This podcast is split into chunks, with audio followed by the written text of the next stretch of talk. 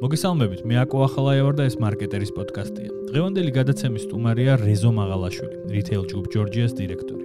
ეს ჯგუფი საქართველოში ისეთ ცნობილ ბრენდებს წარმოადგენს, როგორიც არის Zara, Massimo Dutti, Stradivarius, Mango, Gap, Marks and Spencer, Pull&Bear და ასე შემდეგ. ეს 10 წელზე დიდი გამოცდილება აქვს fashion retail-ში და მისი დახმარებით საქართველოს ბაზარს არაერთი დიდი ბრენდი შემოუერთა. როგორ მუშაობს fashion retail-ი? როგორ ადაპტირდა ბაზარი ახალ გარემოსთან? როგორ შეცვალა პანდემიამ მომხმარებელი და რა უნდა ვიცოდეთ თუ საკუთარ მომავალს ამ ინდუსტრიას უკავშირებთ? ეს მარკეტერის პოდკასტია, რომელსაც წარმოგიდგენთ საქართველოს ბანკი ბიზნესი. რეზო, მოგესალმები, მადლობა რომ დაგვთანხმდი და პირველი კითხვით უნდა გადმოვიდე შენთან. კორონავირუსი ეს ყველა საინტერესოს, როგორ შეეხო უშუალოდ ტანსაცმლის რიტეილს და ამჯერად რა მდგომარეობა გაქვთ, როდესაც ამ პოდკასტს წერთ 4 თებერვალი. გამარჯობა აკო, მივესალმები ყველას, ვინც გვისმენს. აა კორონავირუსი მე მგონი ყველა შეეხო, არ ვიცი, ყველა სექტორს თუმცა აი fashion retail-ს რომელსაც ჩვენ წარმოადგენთ, ალბათ ერთ-ერთი ყველაზე მეტად ტურიზმის მერე, ალბათ ყველაზე მეტად და რესტორნების ბიზნესმენ რო ყველაზე მეტად ჩვენ დაგვარტყა არა მარტო საქართველოში თელ სოფლიოში. ჯერ კიდე მარტში უკვე იყო რაღაც პროგნოზები, იქ მაკენზი თავის პროგნოზებს აკეთებდა სხვადასხვა კვლევითი კომპანიები, მაგრამ რეალურად ახლა რა მოხდებოდა არავინ არ იცოდა და ახლა უკვე როდესაც თითქმის 1 წელი გავიდა რაღაც შეფასება შეგვიძლია გავაკეთოთ. რეალურად საქართველოში ყველა ქვეყანაში განსხვავებული სიტუაცია იყო, იმიტომ რომ ზოგან სრული ლოკდაუნი იყო, ზოგან რაღაც შეზღუდვები, მაგრამ აა დაახლოებით განახევრდა რიტეილი, თუ მარტო წლევანდელ წელს შევხედავთ, დაახლოებით განახევრდა.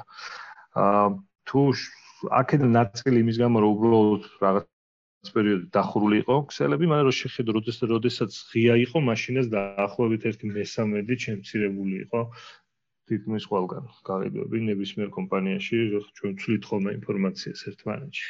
ეს იცი რა რომ დავაზუსტოთ ახლა ჩვენი სვენელისთვის ეს შედეგი იყო ანუ ეგრეთ წოდებულ ფიზიკურ სივრცეებში თუ მთლიან რიტეილში ანუ ონლაინშიც შეწყვიტა ხალხმა იმიტომ რომ რაღაც ფულის დაზოგვა დაიწყო რომ აი მოდი იცი რა ხვალ არ ვიცი როგორი დღე მექნება და რაღაც ეკონომია გავაკეთო თუ აი ვინაიდან ნუ ერთის ხრო გასაგებია რომ დაკეტილი როცა იყო მაღაზიები ვერ მოდიოდნენ მაგრამ რაღაცა პერიოდული გამონათებები როცა იყო მაშინაც თქვენი დაკვირვებით თავსიკავებდნენ თუ ონლაინზე გადაერგო უნდა ორად გავყვეთ ანუ საქართველოს სხვა სიტუაცია ანუ გლობალ ტრენდები ცოტა სხვა არის და მაგალითად აა საქართველოსში იმის გამო რომ უფრო ხანგრძლივი ლოკდაუნები იყო ხალხს ქონდა რაღაცა ის მონატრების მომენტები, რა, აი დავკეტავდნენ, გავიხსნებოდით, მოაწყდებოდა ერთბაშად ბევრი ხალხი და რაღაც გეგონა რომ აი დაბრუნდა ძველი დიდება, მაგრამ მე იცვლებოდა დროთა განმავლობაში ნელდებოდა ეს. მე ისე დავკეტეს, გავხსნეს, ისე მოაწყდა ბევრი ხალხი. რეალურად ხა რომ უყუროთ აა რას გვეუბნებიან ექსპერტები, ექსპერტები გვეუბნებიან, რომ ქცევა აუცილებლად შეიცვლება.ემცირდება ეს იმპულსური შოპინგი, რომელიც fashion retail-ს ახასიათებს, რომ მივედი ნახე მომეწონა ვიყიდე, ხო, რომელიც აა ცოტა სახეს შეიცვლის. ო, პრინციპში, კი, კი, მე მესმის. პრინციპში ჩემი შემდეგი შეკითხვა ეგ იყო, რომ აი ძალიან ბევრი ექსპერტი, სკოლევითი კომპანია, საკონსულტაციო საუბრობს, რომ მომხმარებლის ქცევა აი ამ გამოცდილების მერე აუცილებლად შეიცვლება.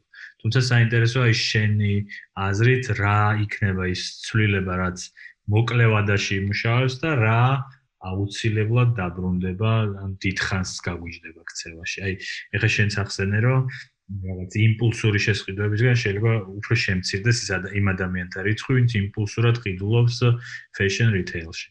მაგრამ ეს დიდხანს გაგრძელდება, აი ამაზე რა რა ვარაუდი გახშა. ხო, აი ეგეც გამოკიდებულია რა ვითარება იქნება. ხა ეს რო ვაკვირდებით, აი ეს დაკეტილობის შემდეგ ხალხს ეს მონატრების მომენტი აქვს, ამან ეს საშუალო ვადიანში შეიძლება ასე იყოს, სანამ კორონასთან ერთად თანაცხოვრება გვიწევს, მაგრამ საბოლოო ჯამში ქცევა შეიძლება და ქცევა შეიძლება სხვადასხვანაირად. ერთი რომ ხალხი მოერიდება, ეხლაცერიდება აუცილებლობის გარდა სიარულს თუმცა მე ვსხრი უნდა რომ რაღაც სხვა გააკეთოს, თორე ყველაფერი დაკეტილია და იგივე ეს მოლები რო გაიხსნა, ყველა მოვიდა მოლში, იმიტომ რომ სხვა ვარიანტი არ იყო, ასე ვთქვათ.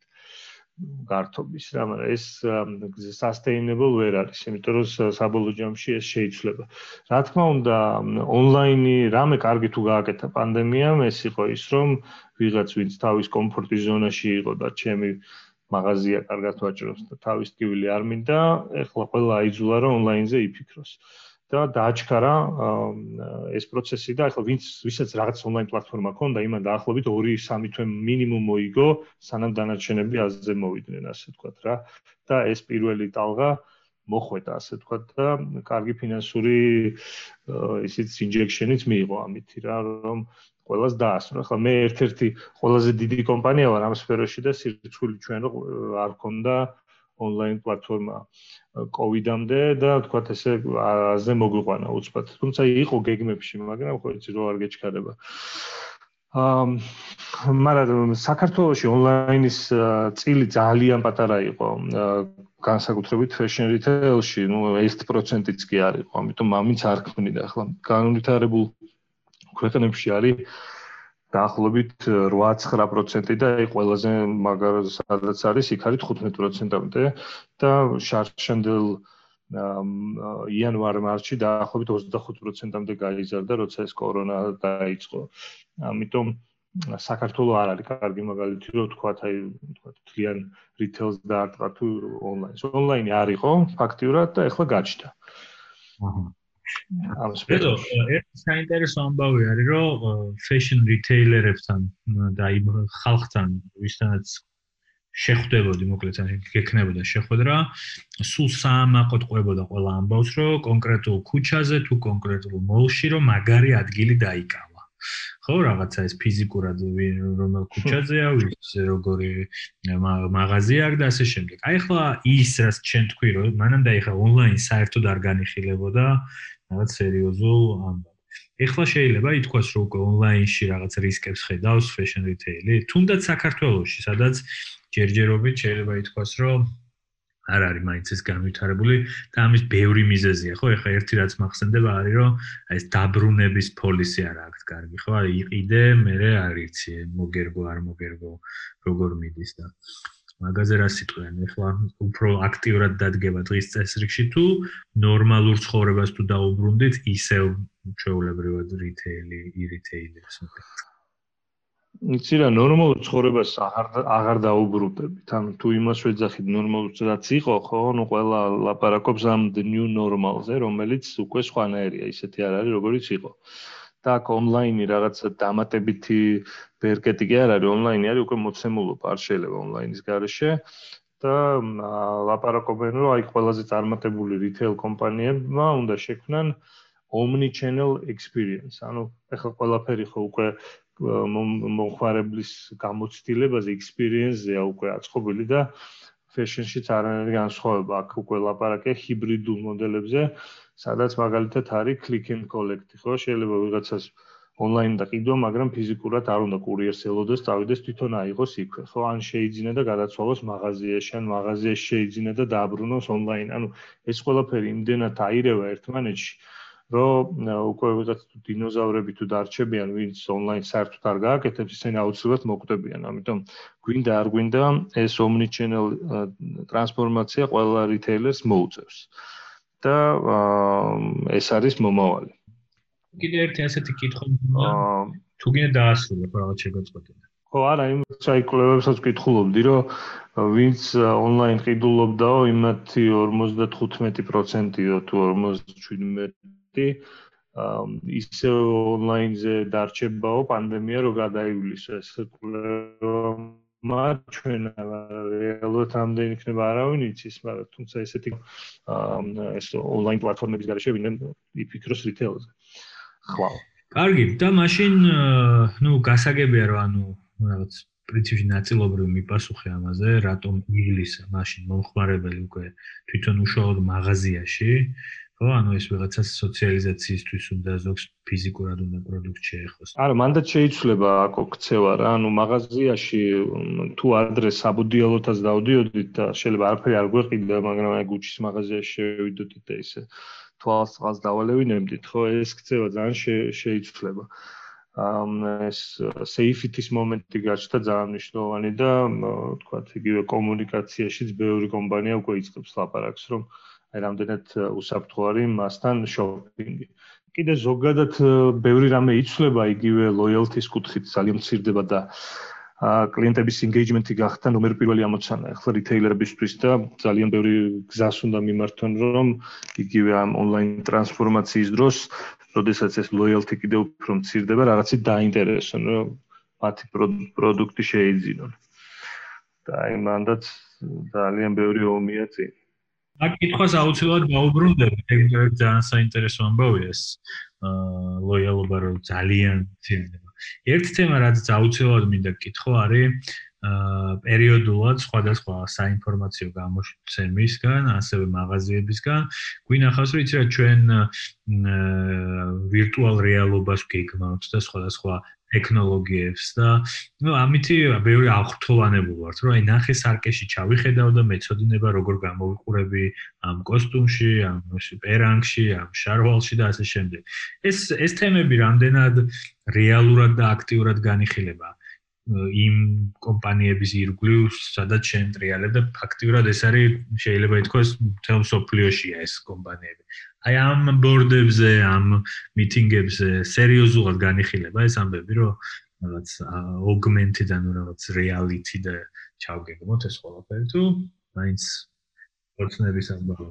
იცი რა არის უცნაური რომ ეს augmented reality-ის შესახებ გავიგე 2007 წელს კემბრიჯში რაღაც კურსს გავდიოდი და მაშინ რაღაც კომუნიკაციების ლექტორმა დაიწყო რომ ეს არის მომავალიო და ნუ საერთოდ ჩანასახშიც არ ჩანდა რა და აა სიმართლე დღემდე ხო ისე ძალიან მასიურად არ არის და ეხლა მიგვრის რომ ჯერ კიდე 2007-ში საიდან პროგნოზირებდა ამას თქო აა მარტივად რო შევიდეთ Amazon-ზე ძალიან პრობელ პროდუქტ სურათებს რო გადადიხარ ბოლოს გთავაზობს რომ მოდი ეს ნივთი ნახე შენს საძინებელში როგორ გამოიყურება და შენ ტელეფონის კამერით გაჩვენებს როგორ გამოიყურება და აი ეს ძალიან ზდის თურმე convergence დის სადღაც 25%-ით ანუ ყიდვის გადაწყვეტილებას რა. ეს შეიძლება სხვადასხვა იყოს ფეშენში სხვა იყოს ფეშენში მაინც რთულია უნდა სარგეში დაინახოთ და სხეულის პროპორციები ისე ზუსტად augmented reality ვერ აკეთებს ამიტომაც fashion retail-ში ნაკლებად არის ეს თუმცა არა fashion retail-ში სხვა e-commerce სფეროებში ძალიან პოპულარულია augmented reality იყო სხვადასხვა საუბრები რომ თვითონ მაღაზიაშიც კი ყოფილიყო LED სკრინები, სადაც საირჩევდი და შენტანზე ნახავდი, თუმცა ეს ჯერჯერობით ესე მე არ მინახავს, მარტო წამიკითხავს, ასე გითხრა, ბევრგან გავიდა, ასე არ მინახავს. თუმცა ძალიან პოპულარულია სხვადასხვა აპები უკვე და ანუ ეს engagement-ის საკითხი იმდენად მნიშვნელოვანი გახდა, რომ ძალიან ბევრ ხერხს მიმართავენ უკვე რომ რაღაცნაირად კლიენტი დაინტერესო რომელიც მაღაზიაში აღარ დადის. კარგი, კიდე დაუბრუნდეთ შენ გზას და გამოცდილებას, როგორც თავში თქვით, ძალიან ბევრ ცნობილ ბრენდს დახვედრილ ხარ აქ როგორც მასპინძელი, ბევრი გაგიცილებია და ხშირად როგორ არის, რაღაცა დიდი ბრენდი საქართველოსთან გადის, ამ შემთხვევაში გულისხმობ fashion retail-დან, ან შემოდის და რაღაც დიდი კომენტარი ამის ირგვლივ არ კეთდება. შენ რო გითხრა ზოგადად აი რატო გადიან ეს ბრენდები ან რატო შემოდიან? რისი ბრალია ეს გლობალური პოლიტიკა? არის რაღაცა ბრენდები როგორც ვიცი ასე რომ საერთოდ არც განიხილავს ჩვენ ქვეყანაში რომ შემოვიდეს და რაღაც თუ შენს გეცოდინება და ყოველ კონკრეტულ ბრენდებს ვერ დავასახელებ, მაგრამ შენ შეგიძლია დაასახელო რაღაც მათი შემოსვლა, რაღაც ახალი წელისავით იყო, ხალხს ისე უხარო და მათ შორის იყო Zara, რომელიც დღეს შენ პროფესორში გაქვს, ხო? რაღაც Zara სანამ შემოვიდო და ყველა ცალ-ცალკე შემოქონდა. კიდე არის ასეთი ბრენდები და ცოტა შიგნით რო ჩაგვახედო, აი იმ ხალხის ტვინში რა ხდება ხოლმე, რატო იძახიან რომ არ გვინდა ამ მარკეტზე გავედით. ეხლა ასევე შეგიძლია თქვა თუ გაქვს ამის უფლება ის ბრენდები, რომელიც შენ მეუბნები რომ გადიან საქართველოს ბაზრიდან და რო გვესმოდეს ჩვენც რომ ეს ჩვენ ქვეყანას დავაბრალოთ, ჩვენ თავებს, ჩვენს გემოვნებას თუ აი რა ხდება ამ ყველაფრის მიერ. ზარა შემოვიდა 12 წელს რა ერთ-ერთი პირველი იყო თქვა ეს ორგანიზებული რიტეილში, ну, კი ვიყო ვიღაცები მანამდეც და არაერთი ბრენდი, მაგრამ ესე როდესაც თბილისი მოლი გაიხსნა 2012 წელს და ბევრი ბრენდი ერთბაშად გაჩნდა, აი მაშინ ითვლება რომ ასე თქვა თავი დაბადება რიტეილის დაახლოებით მაშინ იყო. აა, ოღონდ ეს ჩვენ ახლა ვხედავთ, რომ აი საქართველოსში გაიხსნა ზარა. სიამდვილეში ამის უკან იყო უზარმაზარი პროცესი. ჯერ კიდევ 2010 წელს ალჰოკაირ ფეშენ რიტეილმა, რომელსაც მე წარმოადგენ, გახსნა ზარა ყაზახეთში. ანუ იყო როუდმეპი. დაგეგმილი იყო, რომ შემდეგი 5 წლის განმავლობაში უნდა გახსნილიყო X რაოდენობა ზარას. როდესაც ესეთი დიდი ბრენდი, როგორც ზარა არის, ფრენჩაიზ ხელშეკრულებას აფორმებს რიტეილ ოპერატორთან, როგორც ალჰოკაირია, იქ არ არის ერთ მაღაზიაზე საუბარი, იქ არის 5 წლიან სტრატეგიაზე, როგორც წესი. და იქ უნდა იყოს რაღაც მასშტაბი, რომ ამ ბრენდს უღირდეს ამის გაკეთება. უღირდეს იმიტომ, რომ ნუ ჯერ ეს ერთი იმიჯია, მარკეტ პრეზენსია, რაღაც გეოგრაფიულ ერთეულზე რო შედის, იქ უნდა განავითაროს, მე რეკსელი. თავის წარმომადგენლები უნდა გააგზავნოს, ტრენინგები უნდა გააკეთოს და ასე შემდეგ. ერთი მაღაზია არ აინტერესებს. საქართველოს ცალკე ძალიან პატარა ბაზარი არის და დიდი ბრენდები ცალკე საქართველოსში არ შემოდიან, უყურებენ როგორც რეგიონს. როგორც ეს ერთი და იგივე ოპერატორებს აქვთ ხოლმე საქართველოს, სომხეთი, აზერბაიჯანი, ჩვენ შემთხვევაში კიდე ყაზახეთიც. და ამიტომ არის რომ ზოგიერთი ბრენდი საქართველოში ვერ შემოდის მარტო იმიტომ რომ ოპერატორი რომელსაც უნდა ეს ბრენდი უკვე დაკავებულია სხვა ოპერატორის მიერ სომხეთში, აზერბაიჯანში და მარტო საქართველოში ამ ოპერატორს ვერ შემოგავს. აი H&M მაგალითად რომელიც ჩვენი კონკურენტია, დიდი ხანი არ შემოდიოდა ბოლოს შემოვიდა ოღონდ როდის, როდესაც გადაწყვიტა რომ შესულიყო ყაზახეთშიც, შესულიყო აზერბაიჯანშიც და ეხლა სომხეთსაც განიხილავს, არ ვიცი, საბოლოოდ რას გადაწყვეტს. ანუ ესეთი ქსელური ბრენდები უყურებენ დიცურათს და საქართველოს რიტეილი არის თბილისი, 80% არის თბილისი, რომელიც ასევე ძალიან პატარა. ჩვენ მეზობლებთან რა ხდება? ნუ ამ შემთხვევაში გულისხმობ სომხეთსა და აზერბაიჯანში, თუნდაც ყაზახეთში იქ რავი უფრო მეტ ქალაქშია? თუ იქაც დედაქალაქებშია თავმოყრილი. ნუ ეხლა რუსეთს არ შევადარე. ყაზახეთში ბევრგან ყაზახეთში ბევრგან, ყაზახეთში ხა ალმატა, ასტანა, შიმკენტი და ბევრი ქალაქი არის, ზოგადად დიდი ქვეყანა 17 მილიონი მოსახლე ყავს და აა ესეთი კონცენტრაცია არ აქვს, როგორც ჩვენ რო თბილისშია ყველა. აი, რატო გადიან მაშინ?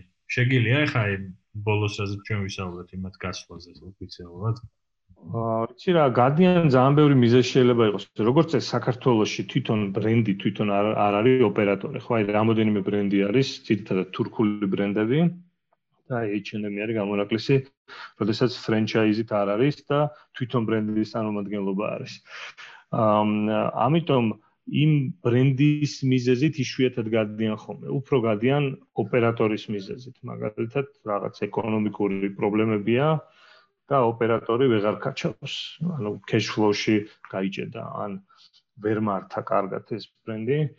აა და ამიტომ თვითონ გადაწყვიტა, რომ ზარალიანია და აღარ უღირს ამ ბრენდის ოპერირება. ერთი მიზეზი შეიძლება ეს იყოს. მეორე შეიძლება ის იყოს, რომ ამ ოპერატორმა ვერ დააკმაყოფილა იმ ბრენდთან ის ხუთწლე, რასაც ვამბობთ, რომ აი ხუთწლიანი გეგმა არის, რომ ამდენი მაღაზია უნდა გაიხსნას, ამ ბრუნვებზე უნდა ავიდეს, იმიტომ რომ ის ბრენდისთვის ეს კლიენტი ოპერატორია, რომელიც მისგან ყიდულობს კოლექციას. და ბევრი მიზეზი არის ხოლმე რა. საქართველოში რა ჩემი მაგალითიდან რო გითხრა, რამოდენიმე ბრენდი ჩვენს დავხურეთ და აი ეს კლაუზნიკ პრესა რო არის რომ მოდის და აი დაიწყო ბრენდმა გასვლა და დაადებენ ხოლმე ზარას ლოგოს, როცა რაღაცა ჭიჭიკო გავიდა ამ დროს რა. ხო და ამ დროს არა არსად არ მიდის ისეთი ძლიერია როგორც არასდროს რა. მაგრამ ნუ სკანდალი უნდა თხოვმე. და იქ მიზეზები არ ხომ სხვადასხვა, მაგალითად ზოგი ბრენდი, რომელიც დაუხურა ჯერ პანდემიამდე ქონდა გადაწყვეტილი, რომ უნდა დამეხურა, იმიტომ რომ მასშტაბს ვერ ვაძლევდი, იმდეს ვერ ხსნიდი, მეც აღარ მაწყობნა, იმიტომ რომ არ ქონდა ესეთი შედეგები და იგივე Unity, რომელიც აღებული მაქვს მოლში და კარგად დილასა, შემიძლია სხვა ბრენდით ჩავანაცვლო, რომელიც უკეთესად იმუშავებს. ანუ ბევრი ეგეთი მაგალითი მაქვს. იგივე პანდემიის დროს სამი ახალი მაღაზია გავხსენი. შეიძლება სიგიჟი არის პანდემიის დროს სამი ახალი მაღაზია, მაგრამ გავხსენით, იმიტომ რომ სწორი იყო. ჩვენ რა მაღაზიები გავხსენით? ეგ შეგიძლია. კი, მანგო მენი გავხსენით ორი, ერთ სიტიმოლში, ერთ თბილისიმოლში, ყველა გვეხოცებოდა მანგო მენს, იმიტომ რომ კაცის ხაზი ძალიან მაგარი არის მანგოსი, აი და დაახლოებით მასიმო დუტის და ზარას შორის არის კარგი ნიშა უჭირავს ესე ვთქვათ. ის თვენში ქონდა მხოლოდ და ახლა აქაც გავხსენით იქაც გავხსენით. ცოტა პრემიუმ ბრენდი გავხსენით იპეკიოლი ანუ კიდევ გვაქვს გეგმები ახლა იტალიური კოსმეტიკის ძალიან პოპულარულ ბრენდს გავხსენით. ანუ ძალიან რთული სიტუაციაა მაგრამ აი ესეთ რთულ სიტუაციებში უნდა გააკეთო ესეთი გადაწყვეტილებები როდესაც რაღაც ბრენდი უნდა მოკლა და უკეთესით ჩანას. რა როდესაც ის ალტერნატივა უფრო იაფიგიჯდება რა იმის დახურვა ეხლა გიღის იმიტომ ისე დაბალი ბრუნვა აქვს და უკეთეს დრო რომ მოვა უკვე მზად დახვდები ვეროთ უკეთესი ბრენდი ისე რომ ეხლა ვაკეთებთ ესეთ ჩარევებს ქირურგიულს. ძალიან კარგი. რეზო, საინტერესო ასევე როგორ ან როგორ ხვდები თითეულ ამ ბრენდის მიღმა, არის ერთი ოპერატორის გათვლები, რომელთაც მას უნდა რომ ან X რაოდენობა კონდეს ბრუნვა, ან რაღაც ბევრი ფილიალი და ასე შემდეგ. მაინტერესებს აი მარკეტინგი როგორ ხდება ხოლმე? ეს აი შენი ჯგუფი რასაც გადაწყვეტ თუ თვითონ ბრენდზე რაღაცა ბიუჯეტია და აი რა არხებს იყენებს გარდა აუთდორისა, სადაც აქტიურად მხდება ხოლმე ეს ფეშენ ბრენდები და რაღაც მეგერ ბეჭდურ მედიაში. აი მოდი სანამ მაგიტყვას გაგცემ პასუხს, აი შენ თქვი რომ მაღაზიების ლოკაციებზე მკითხე შენ. ადრე ადრე თუ იყო აქცენტი იმაზე რომ შენ უნდა გაგეხსნა ბევრი მაღაზია და მარკეტ შერი უნდა აგიღო და ყველაზე ჰაი ტრაფიკ ადგილებში უნდა ქონოდა საუკეთესო მაღაზიები კორონამ რაც მოიტანა და ამ ომნი ჩენელ ტრანსფორმაციამ ის არის რომ სავარაუდოდ ძალიან ბევრი რიტეილერი დახურავს ფიზიკური მაღაზიების დიდ ნაწილს დიდს არა ნუ რაღაც ნაწილს დახურავს და გააკეთებს მეპინგს, შეხედავს რუკას, სად ვარ, სად არ ვარ და გაითვალისწინებს რამდენად მოსახერხებლად არის განლაგებული ეს მაღაზია ჩემი ონლაინ კლიენტისთვის, რომელიც იზრდება რაოდენობაში და სულთა ლოჯისტიკურად და იგივე ის რომ იმან click and collect გააკეთოს დაბრუნება, გადაცვლა სტრატეგიულ წერტილებში როგორ მოათავსოს მაღაზიები და ანუ რაოდენობას აღარ ექნება ისეთ მნიშვნელობა როგორც სად მაქვს ეს მაღაზია. ძალიან იცვლება ეს, იმიტომ რომ შეიძლება რაღაცა ოქსფორდ სტრიტზე აუცილებლად უნდა გქონოდა რა, იმიტომ რომ იქ არის ძალიან ბევრი ფუტფოლი ან ფეხით მოსიარული ხალხის რაოდენობა და ეგ იყო წარმატების ფორმულა. ეხლა შეიძლება შეხედო რომ იმ გეოგრაფიულ არეალში მაქვს ესე იგი თიქ, აღარ მინდა მეტი იმის იქით. ეხლა მოდი წავიდეთ უფრო იქით. ისკენ რაღაც ჩელსისკენ სადღაც არა მაქვს და მოდი იქ დავსვათ. ანუ ეს ეხლა შეიძლება ძალიან პატარა იგივე საქართველოსთვის ონლაინი, მაგრამ ხვალზე იმხელა წილი ექნება, რომ გეოგრაფიულ მოწვას უფრო დიდი მნიშვნელობა ექნება ვიდრე ტრაფიკ ჰევი ადგილებში ბევრი მაღაზიის ჩასმას. აა და ხო ოპერაციული ხარჯის დაგდება იქნება მთავარი და რა თქმა უნდა ონლაინში ეგ არის პრიორიტეტი. რაც შეეხება მარკეტინგს, მარკეტინგ მარკეტინგის კუთხით რიტეილი იყო ყოველთვის ძალიან ძუნწი. იმიტომ რომ და ეს მარტო საქართველოსში ზოგადად ბრენდ ოპერატორები და არა ბრენდები თვითონ მარტო აი რაც must do იყო იმას აკეთებდნენ, რასაც ბრენდი კონტრაქტით გავალდებულებდა, როგორც წესი, ეს არის შენი გაყიდვების 1-2%, 1-დან 2%-მდე, რომლის ძირითადი ნაწილი მიდის ხოლმე პრინტზე რა, ანუ ვიტრინების სეზონური რაღაც დეკორაციების შეცვლა და ძალიან ცოტა რჩებოდა კომუნიკაციებზე, რა თქმა უნდა, სოციალურ მედიამ ეს შეცვალა. აა და უფრო და უფრო მეტი მიდის უკვე პირიქით აქეთ ხარეს ახლა. არის რაღაც სეზონური კალენდრები, რომლით რაც გეუბნები რომ ეს კამპანიები უნდა ჩაატარო, არის გლობალური კამპანიები, რომელიც ბრენდი აკეთებს და მე ადაპტაცია ხდება ქვეყნებში და არის კიდე local campaign-ები, რომელსაც აკაური ოპერატორი მოიფიქრებს აგზავნის ეპრუვალზე და იქიდან აძლევენ დასტურს. არ არის ძალიან მოქნილი პროცესი, მაგრამ ნუ უფრო და უფრო მოქნილი ხდება და უფრო თამამად ბოლო დროს გაძლევენ. ამის უფლებას. ადრე ძალიან ცხვირა ბზუებულები იყვნენ ეს ბრენდები რა, არა ეს ჩვენი სტანდარტი არ შეიძლება ეს რო გამოჩნდეს, რო გამოჩნდეს, ახლა კორონა მის მოიტანა, რომ ყველაფერზე წამსვლელები გახდნენ. აი მაგალითად ჩვენი ონლაინ პლატფორმები ხარ არც ერთს არ დავასახელებ, იმიტომ რომ ძალიან საწყის იმაში ვართ რა ეტაპზე. ეს ბრენდები, რომლებიც ესეთი ცხვირაბზუებულები იყვნენ, აი ამ პლატფორმებზე რო გაჩნდნენ, ხო, ეგ იყო როგორი როგორ გაგიკვირდებოდა, იცი 1-2 წლის მერე როგორ დაგიეფროეს ეს. ეხლა გვიეფროებდნენ ყველაფერს, არ ვიცი, ალბათ იმაში ნებისმიერ საიტზე ნებისმიერი ბრენდი იდებოდა, ოღონდ გაგეყიდა რა და ამან თვითონ ის საიტებიც უფრო მოხოდა, იმიტომ რომ ბევრი რამე ისწავლეს ჩვენთან ერთად. ხლა სამი თვე აქაურ პლატფორმებთან მუშაობდით, რა ყოველ დღე ისეთ რეჟიმში, რომ რაღაცები გაგვეშვა და ბევრი რამე ისწავლეს ამ პროცესში, მათაც და ჩვენც და მე ახლა ეს ჩვენს გამოგვადგება, რომ ჩვენი პლატფორმები გაუშვათ და მათაც რომ უფრო ისეთები გახდეს. ზოგადად პლატფორმები ძალიან დიდი სისუსტეა საქართველოსი. იმიტომ რომ ძალიან რთული იყო, არავინ არ იყო ამისთვის მზად რა, ისეთი დამაბნეველი ახლა Amazon-ის იმას ვკითხულობდი, რომ 20-10%-ამდე კლიკების მოდის homepage-ზე, რა რაც homepage-ზეა, ის არის ყველაზე კლიკაბელ და ჩვენთან რაღაცა რომ მოგეძებნა უმეტეს პლატფორმებზე, ну, სადღაც უნდა შესულიყავი და გეძებნა და გეძებნა.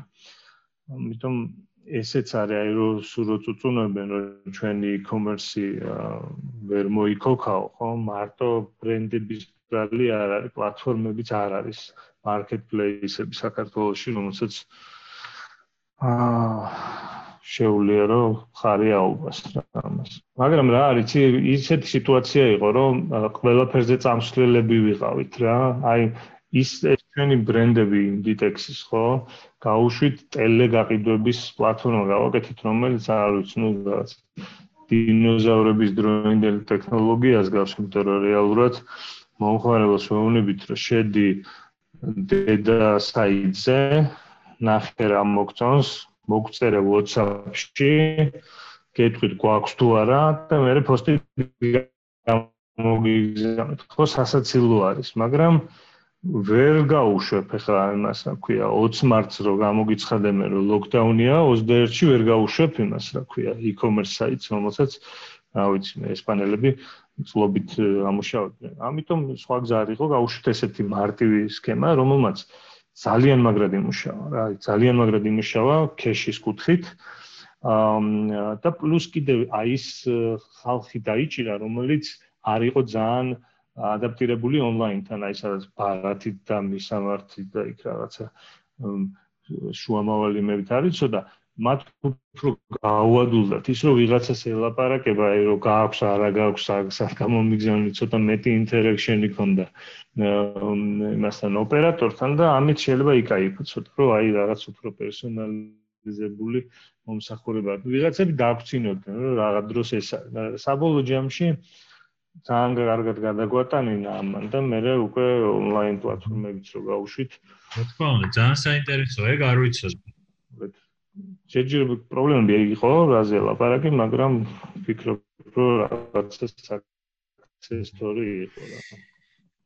შემდეგი კითხვა არის და ამ თემასთან დაკავშირებული, რომ ბრენდის ცნობადობის გარდა ადგილზე კიდევ აი რა რა არის ხოლმე საჭირო. ხო, ну მანდ კიდე ისიც იყო რომ მოლოდინების თემაც არის ახლა მაგალითად ჩვენი ძირითადი ბრენდი Zara ჩვენ მქონდა არჩევანი როგორ გაგვეშვა Zara. ერთი ვარიანტი იყო რომ ლოკალ კონტენტით გაგვეშვა და ამ შემთხვევაში რაც მაღაზიაში არის ის იქნებოდა არჩევანი და მეორე ვარიანტი იყო რომ global site-ზე მიგვება და გავაკეთეთ ეს მეორე. ეს რას ნიშნავს, რომ აა ყველა ქვეყანას აქვს თავისი კატეგორია.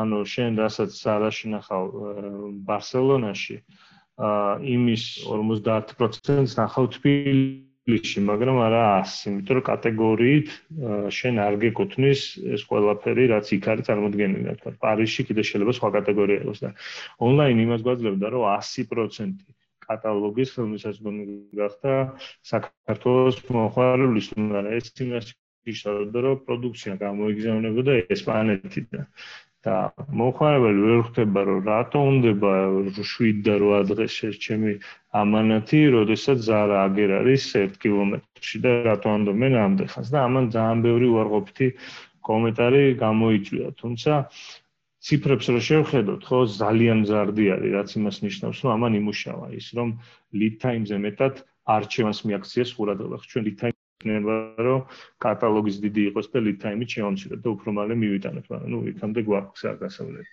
ძალიან კაი. შემდეგი კითხვა არის რომ ერთი თემა რაზეც ხშირად საუბრობენ არის რომ ადგილობრივ ცნობილ ბრენდებს ახშირად არ შემოაქვთ ის პროდუქცია, რასაც გლობალურ საიტზე ხედავ და ეს რისი ბრალია ხოლმე. რაღაც კუთხით გიპასუხებ მაგაზე.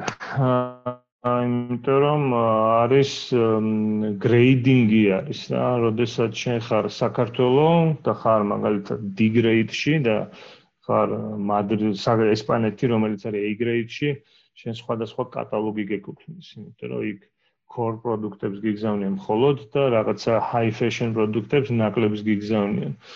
ამიტომ არის სწორედ ეგ განსხვავება.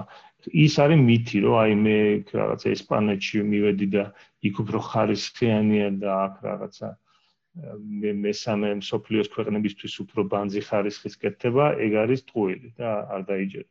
და იგივე ქარხნებში კეთდება ყველასთვის. აი ბრენდ ადრე იყო თითქოს მითი რომ აი ბრენდ მენეჯერმა უნდა შეარჩიოს, იბრძოლოს თითქოს სადღაც რომ X მოდელი ჩამოიტანო. ეგეც არის, კი, ეგეც არის. არის ზოგადად რამოდენიმე მოდელი. არის მოდელი, სადაც ბრენდ მენეჯერი მიდის და ყიდულობს. არის მოდელი, სადაც თვითონ ბრენდი გიგზავნის, ან push მოდელი ქვია, სადაც ბრენდი თვითონ უყურებს, რა გეყიდება, რა სტილი გეყიდება, პრომეტად, რა ფერი, რა ზომები და გიგზავნის სისტემა თვითონ. ამით როგორც ეს ეს უფრო კარგად მუშაობს, სიმართლე გითხრა. თუმცა იმიტომ უფრო იმიტომ კარგად მუშაობს, რომ აქ მიტა აა მოთხოვნას უფრო მალე იჭერენ და უცბად გიგზავნიან, როდესაც ბრენდ მენეჯერი მიდის საყიდლად ის ყიდულობს 6-8 თვით ადრე. ანუ ეს ესეთი სწრაფი რეაქციას ვერ აძლევ, რომ აი რაღაცა ეს ძალიან უნდათ მორჩა, ჩავიდა, ჩაიარა მატარებელმა, იმიტომ რომ გაუმაზე და ვერ შეუკვეთ. როცა push მოდელის შემთხვევაში ის უყურებს რა გეყიდება, და ერთი რო გეყიდება იგივე მოდელს სამ სტეპს მერე მაშინ გამოსაგზავნ ამანატში და ყოველთვის ის გაქვს რაც მოყარებელს უნდა. ამიტომ ეს მოდელი უფრო წარმატებული Inditex-ის არავისიც არის ხო, იგივე Massimo Dutti Pull&Bear ან იგივე მსგავსი კარგი კომპანია როგორც არის Mango მუშაობენ ამ მოდელზე რა ანალიტიკურად აა სისტემები ზომავენ რა იყიდება ყველაზე კარგად და კვირაში ორჯერ მოდის თავარი პრინციპი. როდესაც აი დინოზავრი ბრენდები რომლებიც ჯერ კიდე ბაინგზე არიან, ისინი 8 თვით ადრე რაღაცას გიგზავნიან, ის მე შეიძლება საერთოდ აღარ იყოს ტრენდული რა. და ვერც რეაგირებას ვეღარ ამიტომ ჩვენ თუ ბევრს ვიშოპინგებთ ჩვენს ქსელებში გრეიდებს გაუზრდით ამ ბრენდებს საქართველოში, მე უფრო მეცაც გავუგზავნე. აჰა, საინტერესო. კარგი, ბოლოსკე რო წავიდეთ რეზო, შენ თუნდაც ახსენე რომ დიდი ბრენდების მიმართ ლოიალობა კლებულობს და პარალელურად ისიც უნდა ვთქვათ რომ fashion retail-ში შესვლა არც თუ ისე ძნელია დღეს, ხო? რაღაც სამკერვალოს იპოვი, რაღაცა შეაკერინებ და რაც თავარია, ამას ხალხიც იცვამს, ხო? რაღაც ახლა ბევრი შემთხვევა არსებობს, სადაც Facebook, Instagram, YouTube ინფლუენსერი, რაღაც თავის სიტყვაზე, კიდე ბევრი სხვა ვარიანტიც არის, fashion ინფლუენსერი, თავის ტანსაცმლის ხაზს ქმნის და ადრე თუ ადამიანები ბრენდებს დაძდებდნენ, ახლა ხშირად ნახავ, მოკლედ ამ ყველაფრის მომხმარებელსაც. ეს რამდენად მასშტაბში შეიძლება დიდი პრობლემა იყოს fashion რიტეილერებისთვის და უკვე ასევე მე გადავიდეთ უკვე ქართულ fashion რიტეილერებს, რომელსაც უნდათ რომ რაღაცა საქართველოს თუ არა რეგიონში მაინც იყვნენ რაღაც პოზიციებზე, მათ რა პოტენციალი აქვს ან საერთოდ ამდე დიდი შეიძლება ეს იყოს ეს ყველაფერი, იმიტომ რომ რაღაც ნიშურ მიმართულებით აქვს წარმატებები, ამას ვერ დაუკარგავთ ეს fashion week-ების დამსახურებაც არის, თვითონაც ბევრს მუშაობენ, მაგრამ აი ცოტა უფრო მასიურები რო გახდნენ, თავისი ქსელი რო კონდეთ, თუნდაც ამ რეგიონში, სადაც ჩვენ ცხოვრობთ. აა ძალიან დიდი ხანია fashion retail-ი იყენებს ინფლუენსერებს და აა ეს არის ახალი ამიტომ არის ხოლმე კოლაბორაციები უამრავი ბრენდებსა და სელებრიტებს შორის. აა კი ზოგიერთი ზოგიერთი სელებრიტი თავისი ხაზით შექმნა და საკმაოდ წარმატებულად აა საფრთხე ვერ გეტყვი, იმიტომ რომ ყოველთვის თანაცხოვრებდნენ, იყო ეს ყოველთვის ყოველთვის იქნება კოლაბორაციები და ეს სელებრიტების ხაზები არ არის ისეთი მასშტაბური, რომ დიდად ცურას ეხლა ცვლიდეს. ამიტომ ეს ორივე იქნება და დარჩება. აა ქართ საქართველოს რაც შეეხება, რასაც ვატყობთ ის არის, რომ და ძალიან კარგი არის პრინციპში, რომ ძალიან cool გახდა თუ ქართული გაცვია. აა იმიტომ რომ ეს იგივე ქართული წარწერები დემნამ ძალიან დიდი გავლენა მოახდინა ამაზე, როდესაც ქართული წარწერებით დაიწყო და ამან დაათრიგერა ძალიან ბევრი დიზაინერის ანალოგიური ქცევაც და ძალიან cool არის, თუნდაც უხარისხო გეცვას, მაგრამ ქართული თუა cool არის და მინდა გითხრა, ბევრი ძალიან უხარისხოა სამწუხაროდ, მაგრამ კარგია რომ დროთა დრო ეს ხარისხიც დაეწევა ამ coolness და უკვე ამ სიმბიოში კიდე უფრო წარმატებული იქნება. ამიტომ ამაში პრობლემას ვერ ხედავ პირიქით, კარგი არის და გაგრძელდება ეს პროცესი. გასაგებია. დიდი მადლობა. მადლობა რომ მოიცალე. მადლობა რომ გაგვიზიარე შენი გზა და გამოცდილება. წარმატებებს გისურვებ. ერთი რაც უნდა თქვა, იგივე ეს ლოიალურობა რომ ძალიან შემცირდა.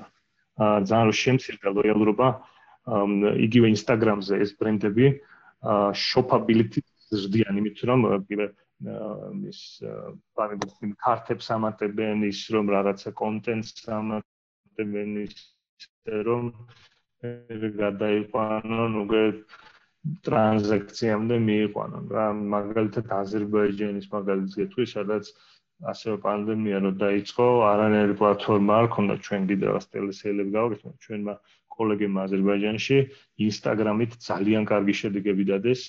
ინსტაგრამით ყიდიდან ტანსაცმელს ყველანაირი რაღაც მაღალი ტექნოლოგიების ჩართვის გარეშე. რა ამიტომ ახლა ყველაფერი არის გადაჯაჭვული ინგეიჯმენტის გარშემოა ყველანაირი ხერხით ადამიანები უნდა მივიყვანოთ იქამდე რომ პული გადაიხადონ, იმიტომ რომ loyalty ძალიან ცირდება. ბოლოზე თუ ოდესმე ტანსაცმელს დავდეთ გასაყიდად ნაღდათ ვერ წარმოვიდგენ, მაგრამ პანდემიამ ესეც გააკეთა, რომ პულთან ყველთან და ზესთან ერთად ჩვენი ფეხსაცმელები ცირდებოდა და საკმაოდ წარმატებით არის. რომ ბევრი რამე იცლება და ასე თუ ვერ წარმოვიდგინე, ახლა ყველაფერი რეალური გახდა.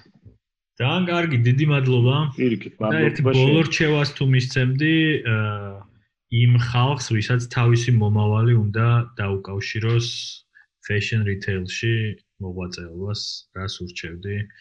რა რა რა რა რა უნარებია მოკლედ საჭირო რომ ამ ბიზნესში მაგარი იყო? აა ჩემი აზრით აქცენტი უნდა გავაკეთოთ იმაზე რომ აა სიახლეებს არ შეუშინდეთ. რა ტრადიციული რიტეილი სახეს იცვლის. ონლაინში გააკეთეთ ყველანაირი აქცენტი აა და დაიწყეთ წეთ ამით რა, იმიტომ რომ ონლაინი იქნება მომავალი fashion retail-ის აა ამას ციფრების გვაჩვენებს და სხვა ვარიანტი არ არის. ზოგადად თუ ეს სფერო მოგწონს, ძალიან საინტერესო სფეროა, იმიტომ რომ ამ ცნობად სახეებთან გიწევს ურთიერთობა და ძალიან დიდი დრაივი არის, იმიტომ რომ გამგელებული კონკურენცია აა ყოველ კლიენტზე უკვე მიდის ჭიდაობა და თუ ადრენალინი და სტრესის ქვეშ მუშაობა ხიბლავს და იზრდები, ეს არის ყველაზე დინამიური სფერო და თან შეიძლება ნოლიდან დაიწყო და მაღაზიის კონსულტანტით დაიწყო და სულ ზემოთ მოხდეთ. ძალიან დიდი მადლობა რეზო. აბა წარმატებები.